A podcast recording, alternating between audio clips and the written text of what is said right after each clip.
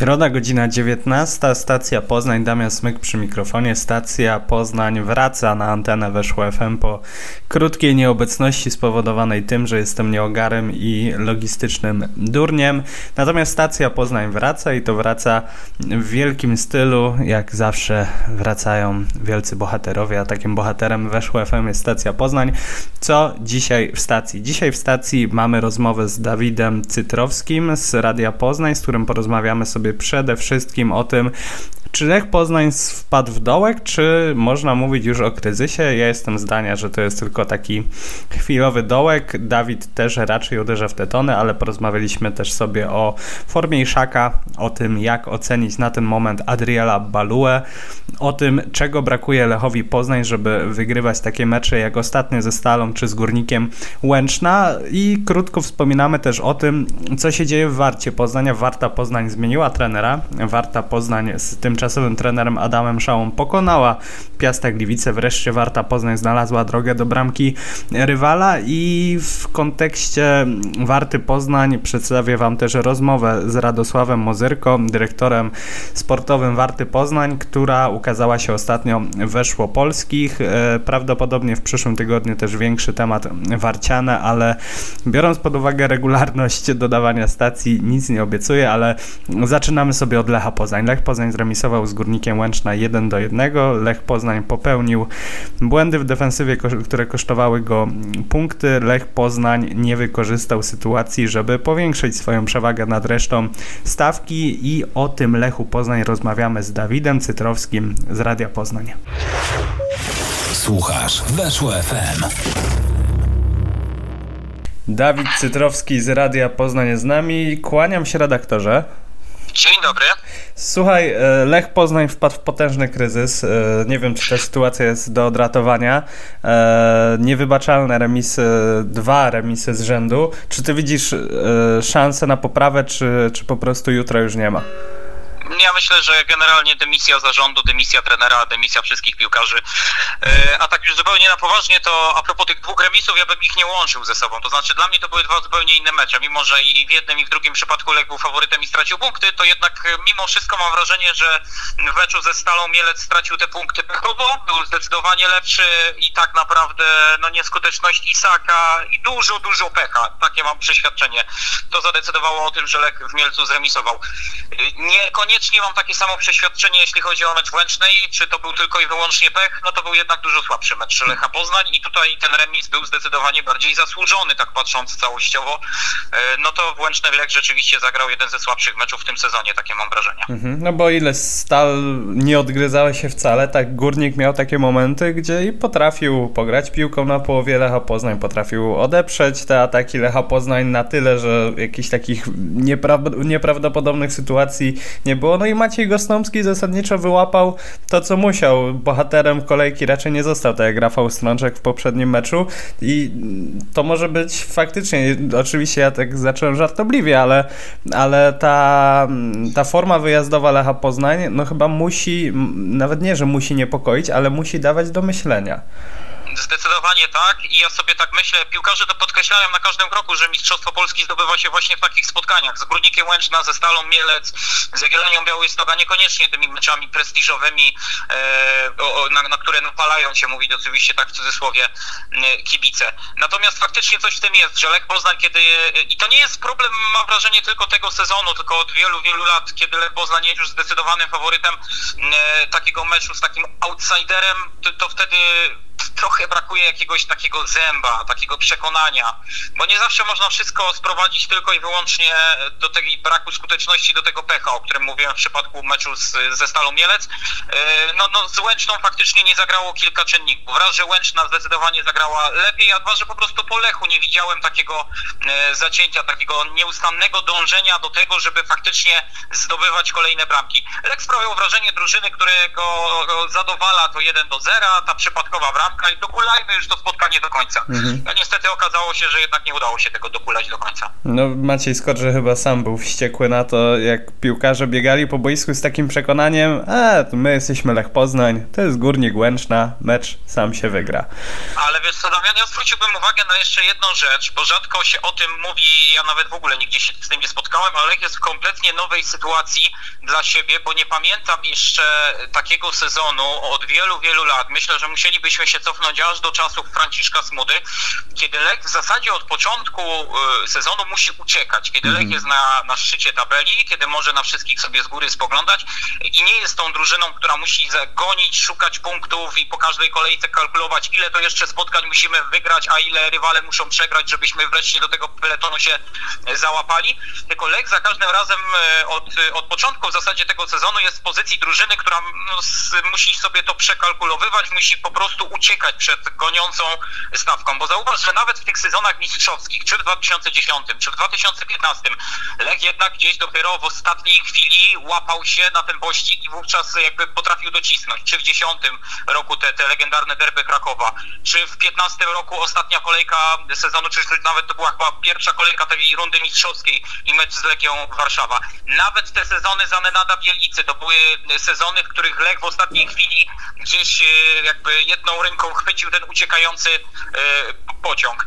A tutaj jest jednak e, sytuacja zupełnie inna i zupełnie nowa dla Lecha, nawet nie tyle dla piłkarzy, co dla całego klubu, dla całego otoczenia. Lech musi się um, potrafić zrealizować właśnie w tej niecodziennej dla siebie roli. Znaczy tu wyjdzie faktycznie to, o czym powtarzamy od wielu, wielu lat jako dziennikarze, jako ludzie jakby na co dzień zajmujący się Lechem Poznań, ten gen zwyciężania i gen bycia mistrzem.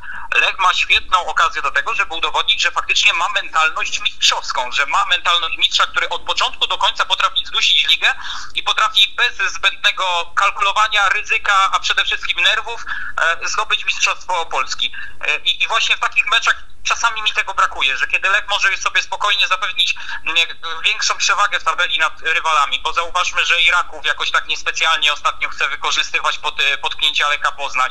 Mhm. E, no o Leki już nawet nie wspominam. No to Lech w takich momentach zamiast sobie właśnie budować systematycznie tę przewagę, to gdzieś po drodze gubi punkty i to mnie trochę martwi. No to przypomina trochę taką sytuację z kolarstwa, że zawsze to Lech e, był tym sprinterem, który chował gdzieś tam się za tym liderem i na ostatnich metrach dopiero wystrzeliwał, tak jak było w 2.10, 2.15, a teraz to właśnie sam narzucił to tempo i tę ucieczkę właściwie rozpoczął bardzo, bardzo wcześnie. Pytanie, czy, czy to tempo no wytrzyma. Wystarczy, prawda? Słucham? Czy pytanie, czy pary wystarczy? No, tak czy pary wystarczy i czy też e, Lech jest takim zawodnikiem, który zawsze w taki sposób e, doprowadzał do zwycięstwa, bo faktycznie tutaj trzeba też być skoncentrowanym i ja się też zastanawiam, czy Lechowi służy ta sytuacja, że tak naprawdę musi oglądać się za kilka drużyn, bo wiesz, w przeszłości często było tak, że po prostu dwójka uciekała, no i oni już tam się oglądali wzajemnie za siebie, a teraz jest i Lech, który jest liderem, i Raków Częstochowa, i Pogoń Szczecin, i Lechia Gdańsk. I jeszcze być może Śląsk chciałby spojrzeć w tę stronę. Mm, na Legię to w ogóle nie liczę w kontekście walki o, o mistrzostwo, zobaczymy czy w ogóle o puchary tam powalczą. E, jak ty tak zerkasz za te plecy Lecha Poznań, to kto najbardziej cię martwi? Kogo, kogo upatrujesz e, w tym, że, że, że ten zespół mm, będzie z Lechem do końca, albo że może nawet zaraz Lecha wyprzedzi? Niczego odkrywczego nie powiem, jeśli stwierdzę, że Raków. No myślę, że to jest zdecydowanie drużyna najbardziej poukładana. Ja wiem, że ostatnio pewniej punktuje Lechia Gdańsk, ale jakoś tak nie mam przekonania e, co do tego, że, że ta Lechia za chwilę znowu gdzieś punktów nie pogubi. No nie wiem, może to jest takie gdzieś naiwne, natomiast jakoś nie specjalnie chce mi się wierzyć w to, że Lechia wytrzyma trudy tego sezonu. Natomiast Raków faktycznie wygląda na drużynę bardzo poukładaną, e, zbilansowaną, drużynę, która e, może się to wydawać science fiction, ale może walczyć o, o Mistrzostwo Polski. Natomiast wracając do tego, co, co, o czym przed chwilą rozmawialiśmy, o tym, że mhm. Lek cały czas musi uciekać i to na niego są w zasadzie te wszystkie Jupitery skierowane i to on musi u, coś udowadniać. Wiesz co, ja się cieszę nawet z takiej sytuacji. Ja się cieszę, bo to wreszcie będzie udowodnienie takie ostateczne walka tego, czy, czy Lech Poznań faktycznie zasługuje na to, żeby być mistrzem, czy faktycznie w Lechu Poznań wszyscy dojrzeli do tego, żeby mówić o sobie jako o drużynie, e, która jest absolutnie top jeden, która nawet nie drużynie, nawet klubie, który jest top 1, bo, bo na razie chwalimy Lecha Poznań za dobre transfery, chwalimy Lecha Poznań za to, że wreszcie być może znalazł trenera, który mu pozwoli marzyć o Mistrzostwie Polski, no to teraz jeszcze sprawdzimy, czy Lech Poznań wreszcie mentalnie, jako cały klub dojrzał do tego, żeby być numerem jeden w Polsce, żeby wytrzymać to, co sobie sam narzucił, więc ja się nawet cieszę, że ten sezon wygląda tak, jak wygląda, że Lech Poznań od początku jest na, na czele, bo wreszcie będziemy mogli sprawdzić taką faktyczną mentalność Lecha Poznań i, i, będziemy mogli mówić, jeżeli to się wszystko oczywiście zakończy sukcesem, mhm. że to było jak najbardziej zasłużone. No tak, takie mistrzostwo, gdzie jesteś najlepszy właściwie od początku do końca, to inaczej smakuje i, i inaczej też wygląda, bo, bo to nie jest mistrzostwo przechwycone gdzieś tam na finiszu, tylko po prostu trzymałeś ten puchar od początku u siebie na kolanach a, i po prostu teraz składasz taką ratunku i dlaczego myślę, że to może się udać, bo Maciej Skorża ma doświadczenie właśnie w zdobywaniu tego typu mistrzostw Polski, bo jak sobie przypomnisz te mistrzostwa, które zdobywał z Wisłą Kraków, mhm. no to właśnie one tak wyglądały, że ta Wisła wtedy dominowała jakby niepodważalnie wówczas w Polsce i Maciej Skorża wie, z czym ten, te, tę kanapkę się je i, i, i, potrafi jakby przewidzieć być może tego typu sytuacje, więc być może Maciej Skorża dla Lecha Poznań jest właśnie e, czymś, taką promyczkiem nadziei, że, że, że on będzie potrafił to ogarnąć pod kątem takim właśnie mentalnym, pod kątem tego, żeby, żeby ta sytuacja nie zaskoczyła wszystkich klubów. Bo mam trochę wrażenie, że nawet niektórzy w klubie są troszkę zaskoczeni, że, że to aż tak szybko i tak dobrze poszło w tym sezonie. Akcje marketingowe pewnie były zaplanowane na, na wiosnę, gdy to obchody stulecia się realnie rozpoczną, a tutaj już trzeba pompować to wszystko od jesieni. Słuchaj, chciałem cię zapytać o, o personalia. Adriel Balua. E, widziałem jeszcze trzy tygodnie temu takie już nawet delikatne zachwyty, takie, e, takie promyki ekscytacji, natomiast dzisiaj coraz częściej gdzieś w komentarzach, gdzieś w opiniach słyszę, że e, brakuje liczb i że fajnie, że chłopak podrybluje, fajnie, że gdzieś tam się urwie, ale koniec końców e, dobrze by było zacząć dopisywać takie pokaźniejsze liczby po stronie asyst, goli, kluczowych podań. Ty jak na to patrzysz? W zasadzie wyczerpałeś wszystko, co mógłbym powiedzieć na ten temat, bo to jest takiego typu zawodnik, na którego patrzysz, widzisz, że jemu piłka nie przeszkadza, że on w piłkę grać potrafi, że to nie jest tylko gość od przysłowiowego zapier i tutaj możesz sobie wypikać, -hmm. że, mhm. że on oprócz tego biegania to jeszcze potrafi w piłkę tak po prostu e, grać. Natomiast byłoby fajnie, gdyby jeszcze faktycznie dawał mi jakiś oręż do ręki, żebym mógł to udokumentować czymś, że o, patrzcie, mało, że potrafi grać w piłkę, to jeszcze ma tyle asyst i tyle bramek. O, zobaczcie, że ta jego firmowa akcja z zejściem do środka i strzałem lewą nogą, to faktycznie coś więcej przynosi niż tylko to, że później wszyscy oglądamy, gdzie ta piłka trybuny e, poleciała. Nie, absolutnie bym tutaj nie, nie, nie określał go zero-jedynkowo, bo to jest i za wcześnie, to nie jest tego typu zawodnik, po którym już możemy stwierdzić, że to będzie nie wypał. Nie ale faktycznie oczekuję od niego, że w najbliższej przyszłości da coś więcej niż tylko dobre wrażenie, bo takim dobrym wrażeniem to Mistrzostwa Polski się nie zdobędzie. Mhm. No to o jeszcze jedną pozycję chciałem Cię zapytać, ta trochę wyżej, dziewiątka. Mikael Iszak, mam wrażenie, że ma za sobą dwa może nie najsłabsze, ale jeden z najsłabszych meczów w Lechu Poznań. Ten ze Stalą to wydaje mi się naj, najsłabszy. Tak szukałem przed nagraniem w pamięci słabszego meczu Iszaka i nie znalazłem. Mm, I tak się zastanawiam, no bo Lech ściągnął dziewiątkę też taką rezerwową, która miała być takim solidnym backupem do tego, żeby w razie złej formy Iszaka, czy w razie kartek, kontuzji, mm, gdzieś ten Artur Sobiech wskoczył. Natomiast no Artur Sobiech mm, nie wskakuje i, i nawet nie jest, mam wrażenie, blisko tego, żeby zastąpić Iszaka w wyjściowym składzie. Ty skłaniasz się ku opcji, że po prostu napastnik potrzebuje zaufania, zwłaszcza napastnik takiego formatu jak na Ekstraklasę, jak Iszak, mm, czy jednak być może warto postawić na tego Sobiecha, nawet mimo tego, że nie przekonuje? Od razu muszę szczerze i uczciwie zaznaczyć, że nie wiem, czy jestem dobrym adresatem tego pytania, bo, bo ja jestem psychofanem Mikaela Isaka, to, to po pierwsze.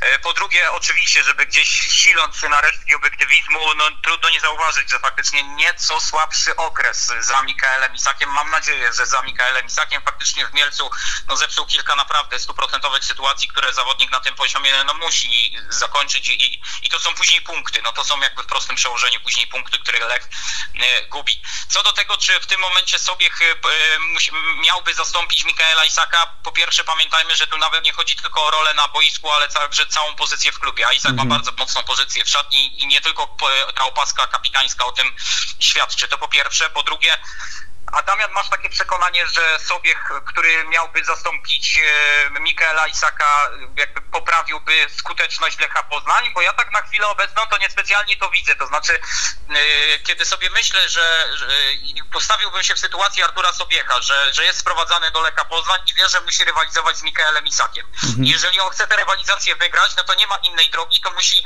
być niesamowicie efektywnym zawodnikiem. To znaczy, jeżeli będzie dostawał 5 minut w meczu, 10 minut w meczu w porywach do 15 minut, to to musi być najlepsze 15 minut, jakie on zagrał od wielu, wielu lat, żeby w ogóle myśleć o tym, że on z Isaka ze składu wygryzie. On musi wtedy strzelać, on musi mieć liczby, a przynajmniej musi faktycznie na tyle poprawiać grę, że, żeby w umyśle Macieja Skorży gdzieś zakiełkowała taka myśl, że a może faktycznie dam temu Isakowi 2-3 mecze przerwy, niech sobie sobie pogra. No na chwilę obecną to ja tego nie widzę, żeby wejście Artura Sobiecha miało cokolwiek odmienić, no bo ten Sobiech na razie, no jak wchodzi na boisko, to, to często przechodzi, no nie chcę powiedzieć, że przechodzi obok meczu, bo może rzeczywiście troszkę za mocno bym się tutaj rozpędził, ale nie widzę jakiejś drastycznej różnicy w porównaniu z tym, co, co, co, co gra Mikael Isak, więc chyba jednak trochę za mało mm, daje w tym momencie Artur Sobiech, żeby myśleć realnie o tym, żeby go zastąpić, nawet w perspektywie dwóch, trzech najbliższych spotkań. Mikael Isak, mimo tego, że obecnie ma słabą, słabszą skuteczność, to ja go nie, nie traktuję tylko i wyłącznie jako zawodnika od zdobywania bramek. To nie jest Christian Gyskier, to jest zawodnik, który spełnia zdecydowanie więcej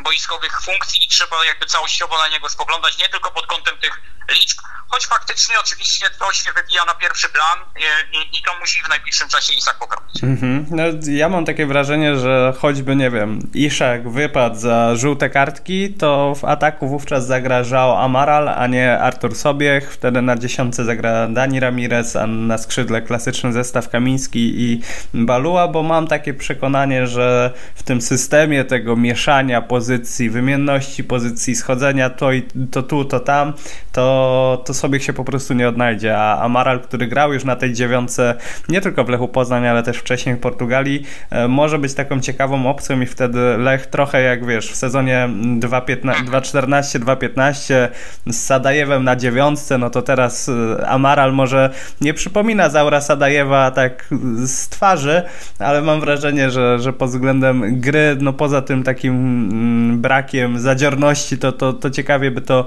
e, uzupełniał.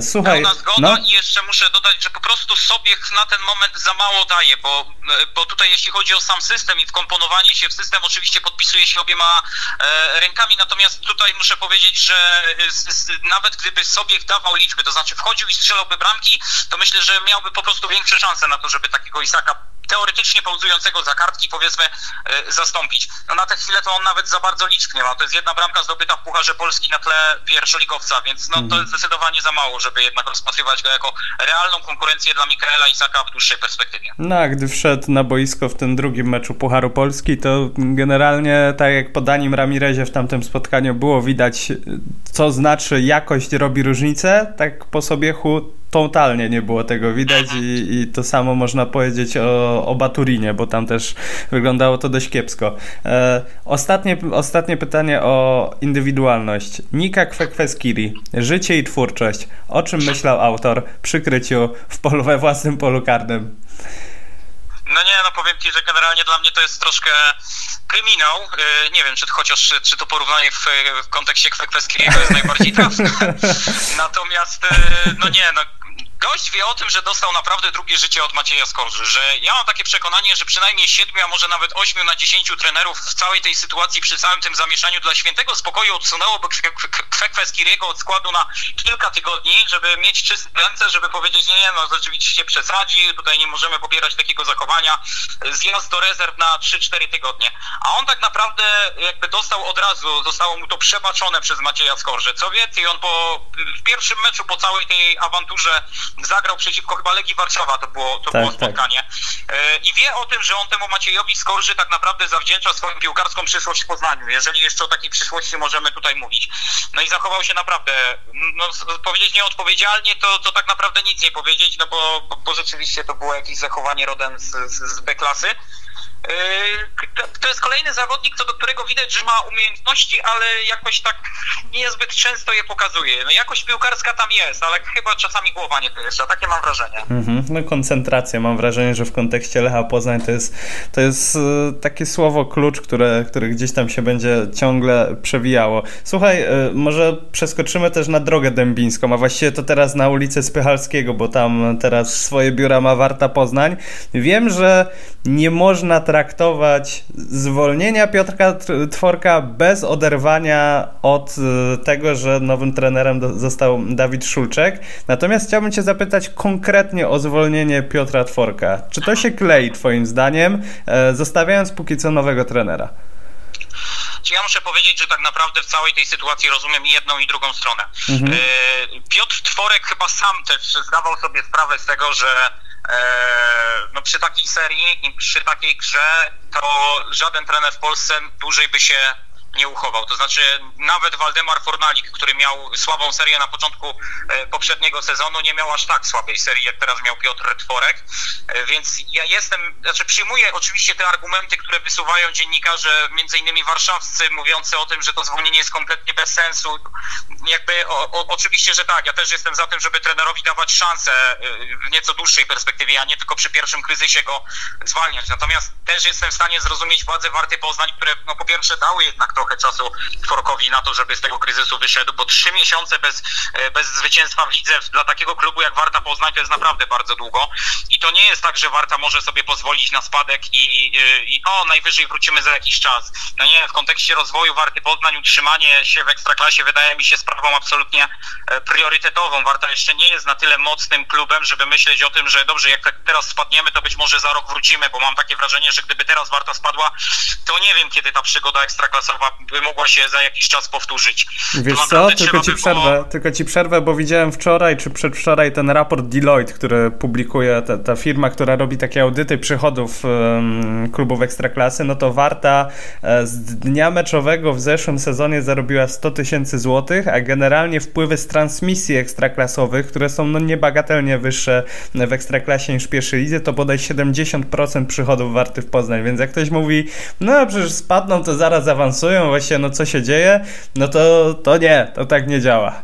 Nie, to jest kompletna fikcja. Po spadku trzeba by było zbudować nowy zespół, bo tam tak naprawdę kilkanaście osób musiałoby odejść, bo, bo warty nie byłoby stać na, na ich utrzymanie. Mówię przede wszystkim praktycznie wszystkich obcokrajowcach i sporej części Polaków, którzy w tym momencie są na utrzymaniu Warty Poznań, a Warte stać tylko i wyłącznie dlatego, że dostaje pieniądze z Kanal Plus. Mhm. No Warta nie jest jeszcze na, na tyle rozwiniętym klubem e, sportowo, organizacyjnie, jakby patrząc całościowo, holistycznie na rozwój Warty Poznań, żeby myśleć o tym, że w ciągu najbliższych dwóch, trzech lat ona by wróciła do ekstraklasy. Jeżeli Warta chce się harmonijnie roz, rozwijać, jeżeli chce realizować te pomysły, które gdzieś tam w biurach Przyspychalskiego powstają, no to jakby ekstra, u, zachowanie ekstraklasowego bytu jest sprawą absolutnie e, priorytetową. Mhm. Więc tutaj jestem w stanie zrozumieć podejście Warty Poznań, która chce za wszelką cenę tę ekstraklasę ratować. Pytanie, czy e, akurat Dawid Szulczek e, będzie na tyle miał no, i umiejętności trenerskich, i charyzmy, i e, całokształtu warsztatu trenerskiego, żeby wydźwignąć Wartę z tej trudnej sytuacji. Ja nie wiem, bo ja go nie znam, więc ciężko mi w ogóle co, e, powiedzieć tutaj absolutnie nie chcę, żeby moje słowa były odbierane, interpretowane w ten sposób, że ja nie wierzę w Dawida Szulczka. Ja po prostu nie wiem. Ja, ja, ja go nie znam, więc ciężko mi na ten moment e, cokolwiek wyrokować. Natomiast to też nie jest tak, że, że kompletnie nie rozumiem zachowania Warty Poznań, która zwolniła Piotra Tworka, bo myślę, że nawet sam Piotr Tworek doskonale rozumie, bo, bo, bo myślę, że już od jakiegoś czasu też się spodziewał tego, że, że jeżeli nie nastąpi jakaś szybka, diametralna odmiana gry drużyny, no to po prostu taki los go, go czeka, a nie, nie boję się, że Piotr Tworek dłużej pozostanie bez pracy, bo z, z tym, co zrobił w Warcie Poznań, to ja będę bardzo zdziwiony, jeśli na wiosnę jakieś roboty y, nie dostanie. No, nie wykluczam, że może być tak, oczywiście nie mam tutaj nic niepomalowanego pod ręką, więc nie odpukam, ale może być tak, że Piotr Tworek zostanie w Ekstraklasie, a Warta Poznań nie zostanie w Ekstraklasie. No e, I to, to może być dość, dość zabawne. Natomiast e, o, o tym nowym trenerze, o Dawidu Szulczku chciałem właściwie chwilkę tylko napomknąć, bo nawet nie o tyle o, o nim konkretnie, ale wiesz co, ja mam takie przekonanie, że ten ruch z zatrudnieniem młodego trenera, najmłodszego trenera, który zdobył li, licencję UEFA Pro, trenera spoza karuzeli, mi szczerze mówiąc bardziej się podoba niż pójście w takie stare nazwiska, które miałyby być klasycznym strażakiem. Jakbym zobaczył tutaj Ryszarda Tarasiewicza, Leszka Ojrzeńskiego, e, no nie wiem, kto, kto jeszcze z takich ratowników jest... Czesława Jakołcewicza, to wiesz co, szczerze ci powiem, że ja chyba byłbym jeszcze bardziej rozczarowanym tym zwolnieniem e, Tworka, bo widziałbym, że to jest po prostu zmiana dla zmiany, zmiana dla impulsu, zmiana dla po prostu zróbmy coś, żeby coś robić. Wiesz co, e, pytanie oczywiście na ile ta, e, ta droga, o której mówisz, wynika z tego, że Warta miała taki pomysł, A na ile na tego, to, że że nie ma kasy. Tylko na takiego trenera było ją stać, najmłodszego w, w Polsce, który, e, ja nie znam zapisów kontraktowych Dawida Szulczka, ale nie spodziewam się, żeby, żeby to był jeden z najdroższych trenerów na utrzymaniu w, w Ekstraklasie, więc pewnie trzeba to jednak wielowątkowo rozpatrywać wszystko. Natomiast sam ruch oczywiście także mi się podoba, bo jeżeli dawać komuś szansę, to dawać młodym trenerom, nieoczywistym trenerom, którzy być może mają świeże spojrzenie na to, bo dzięki właśnie takiemu spojrzeniu być może ta, ta gra Warty Poznań się odmieni, więc tak, na pewno należy to pochwalić ten kierunek, te, ten ruch. Pytanie na ile to wynikało z, z samej chęci Warty Poznań do tego, żeby y, cokolwiek nowatorskiego zrobić, a na ile z takiej czystej pragmatyki i przeliczenia kosztów zatrudnienia nowego trenera. Mhm. No, też niespotykana sytuacja, że Warta tego nowego trenera z Wigier wykupiła. Eee, porozmawialiśmy sobie o Kwekweskirim, o Iszaku, o Amaralu, o tym, czy Lech Poznań jednak utrzyma się w Ekstraklasie, z- a porozmawialiśmy z Dawidem Cytrowskim z Radia Poznań. Dawid, pięknie Ci dziękuję. Miło mi było, bardzo dziękuję, do usłyszenia. Słuchasz Weszło FM. A teraz rozmowa z Radosławem Mozyrko, dyrektorem sportowym Warty Poznań, który w rozmowie z Weszło Polskimi opowiadał m.in. o tym, dlaczego Warta musiała, w opinii klubu musiała rozstać się z Piotrem Tworkiem, dlatego, dlaczego na to rozstanie przyszedł już czas, jak wyglądało to zwolnienie, ale też o, o letnim oknie transferowym, o tym, dlaczego wybór Warty jest tak odważny, bo Warta postawiła na najmłodszego szkoleniowca w Ekstraklasie, na Dawida Szulczka, który ma 31 lat, był najmłodszym, czy jest właściwie nadal najmłodszym trenerem, który sięgnął w Polsce po licencję UEFA Pro. Mm, Dużo ciekawych wniosków, dużo też tajemniczości ze strony dyrektora sportowego, sportowego Warty, ale e, myślę, że warto tej rozmowy posłuchać choćby po to, żeby dowiedzieć się, co w Warcie Poznań myślą o tym, co w ostatnich tygodniach działo się przy drodze dębińskiej, właściwie to przy, e, przy ulicy Powstańców Chocieszyńskich, gdzie Warta swoje mecze rozgrywa w Grodzisku Wielkopolskim. Także Radosław Mozyrko, dyrektor sportowy Warty. Słuchasz Weszło FM. Radosław Mozyrko, dyrektor sportowy Warty Poznań. Witamy serdecznie. Dobry wieczór. Czyli człowiek, który zatrudnił Dawida Szulczka i chcemy zapytać, co pana przekonało akurat w tym trenerze, no bo na pewno jest to wybór nieoczywisty, no bo jest to trener spoza e, oklepanej karuzeli, trener bardzo młody, 31-letni. E, dlaczego akurat on? Mogę zadać najpierw pytanie, co znaczy karuzela? Karuzela to znaczy, no są tam, jest to taki powiedzmy rynek pracy trenerów, e, polega na tym, że są albo trenerzy... Jakby zatrudnił pan Jana Żurka, to byśmy powiedzieli, że z karuzeli. Tak, trenerzy, którzy już są znani generalnie, zweryfikowani na poziomie ekstraklasy. O. Aha, czyli świeża krew. No dobrze. Dlaczego zatrudniłem Dawida Szulczka? Przede wszystkim y, nie patrzę na wiek, tylko na wiedzę i merytorykę i jak pracuje z zespołem, jak pracował z e, zawodnikami w przeszłości jako pi- pierwszy trener, czy tymczasowy trener, czy asystent trenera.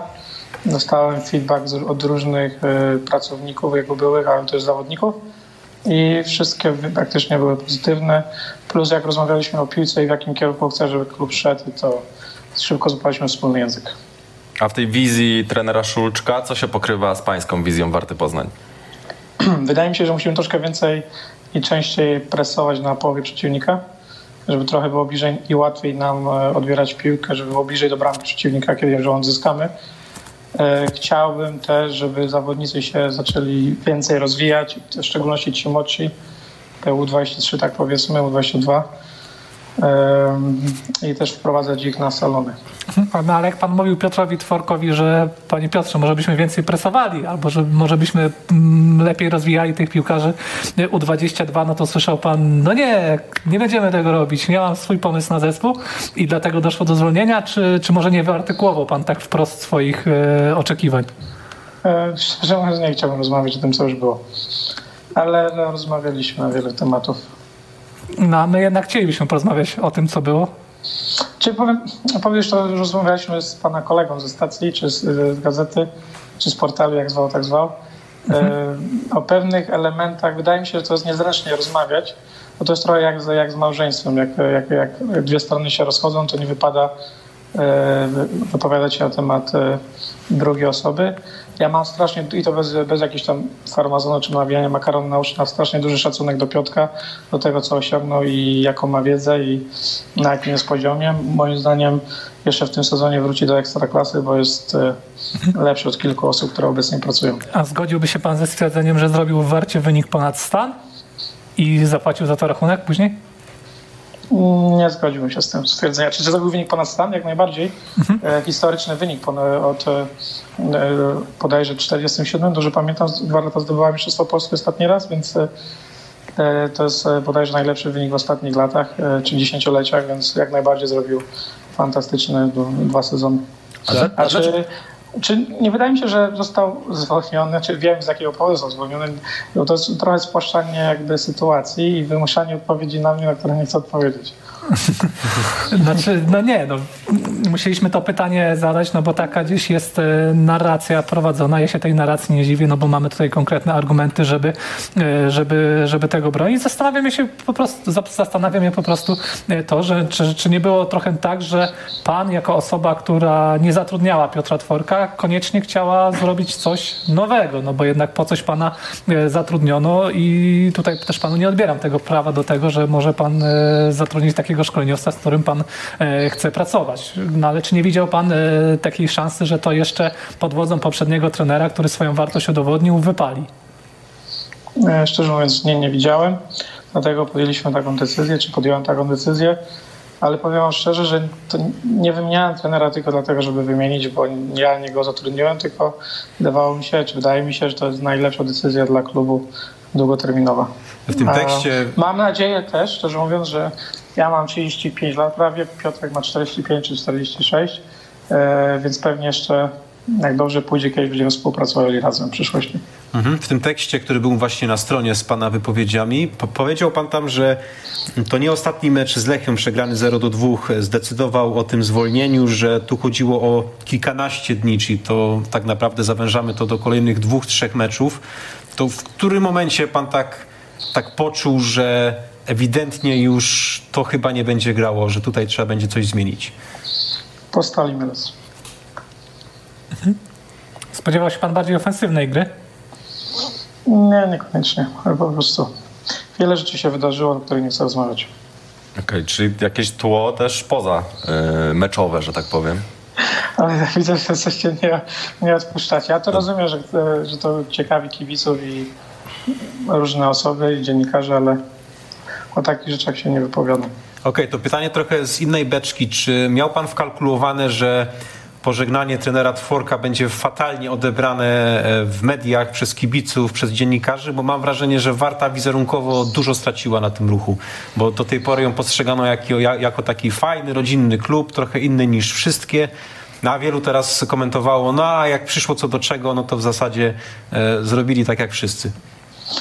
Wydaje mi się, że nie zrobiliśmy to jak wszyscy, ponieważ chciałbym, żebyście wykonali swoją pracę domową i znaleźli drugi klub, który trener z taką serią y, pozostawał na stanowisku. No trener Skowronek w Wiśle Kraków yy, i trener Stolarczyk chyba. No, ja- Utrzymywał no tak, się to- na stanowisku po ośmiu porażkach z rzędu bodajże, więc... No ja pamiętam nie zeszły sezon i Piasta. Gliwice, gdzie Waldemar Fornalik fatalnie zaczął, bodaj do ośmiu, w dziewiątej kolejce chyba dopiero wygrał pierwszy mecz, a mimo to został na stanowisku i okazało się, że jest w stanie dźwignąć tę drużynę. No to taki dyżurny Tylko przykład. tam zawodnik jeden wrócił po kontuzji.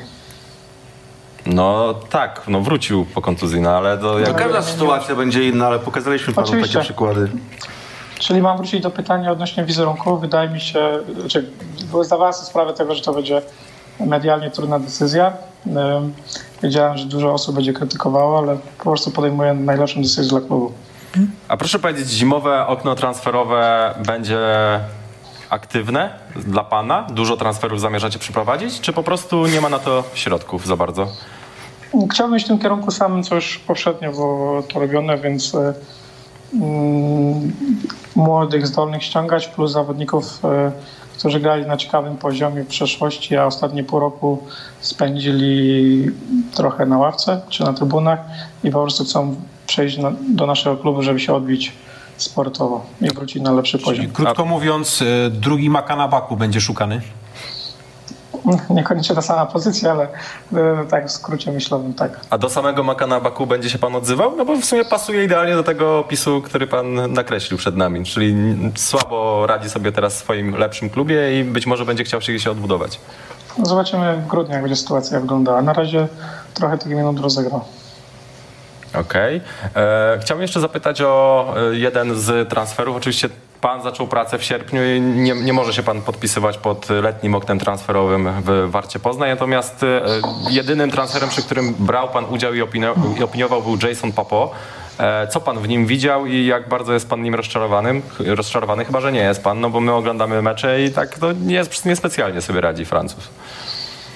Mm, Wydaje mi się, że Jason więcej pokaże na boisku, jeśli będziemy wyżej e, bronili na połowie przeciwnika i będzie miał bliżej do bramki przeciwnika, kiedy odzyska piłkę. Kiedy my odzyskamy piłkę, to jest taki zawodnik, który nie przebiegnie z piłką 50 metrów. To też nie jest zawodnik, który e, idealnie pasuje do gry pod kontrę, tylko to jest zawodnik, który potrafi pokonać jeden czy dwóch zawodników i oddać strzał. Więc jeśli, jeśli lekko zmodyfikujemy styl gry i wydaje mi się, że możemy z niego już trochę wycis- wycisnąć i za wcześnie znam weryfikację e, jego osoby. To pamiętajmy też, że to jest pierwszy jego wyjazd za granicę, e, więc każdy inaczej się adaptuje w nowym kraju.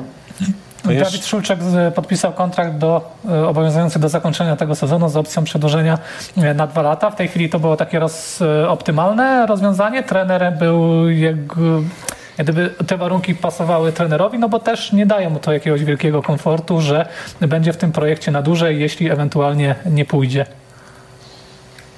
No to trzeba było się zapytać trenera. Wydaje mi się, że z, z punktu biznesowego dla klubu jest to najlepsze rozwiązanie.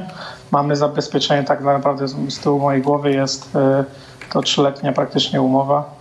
E, Więc ja tak na to patrzę, a nie na kontrakt do końca sezonu, tylko są tam jakby warunki, gdzie przedłużamy i to jest po stronie klubu, nie po stronie trenera. Więc ja na to widzę trzyletnia umowa. Tak na to patrzę, szczerze mówiąc. Słuchasz Weszło FM. No i to na tyle w dzisiejszej stacji Poznań. Mam nadzieję, że za tydzień usłyszymy się już planowo, bo audycja jest pisana w ramówkę. Ja planuję ze wszystkim się wyrobić i dać Wam jedną rozmowę albo dwie rozmowy nawet pod kątem Lecha Poznań i Warty Poznań. Także słyszymy się za tydzień. To była stacja Poznań. Damian Smyk i do usłyszenia. Weszło FM. Najlepsze radio sportowe.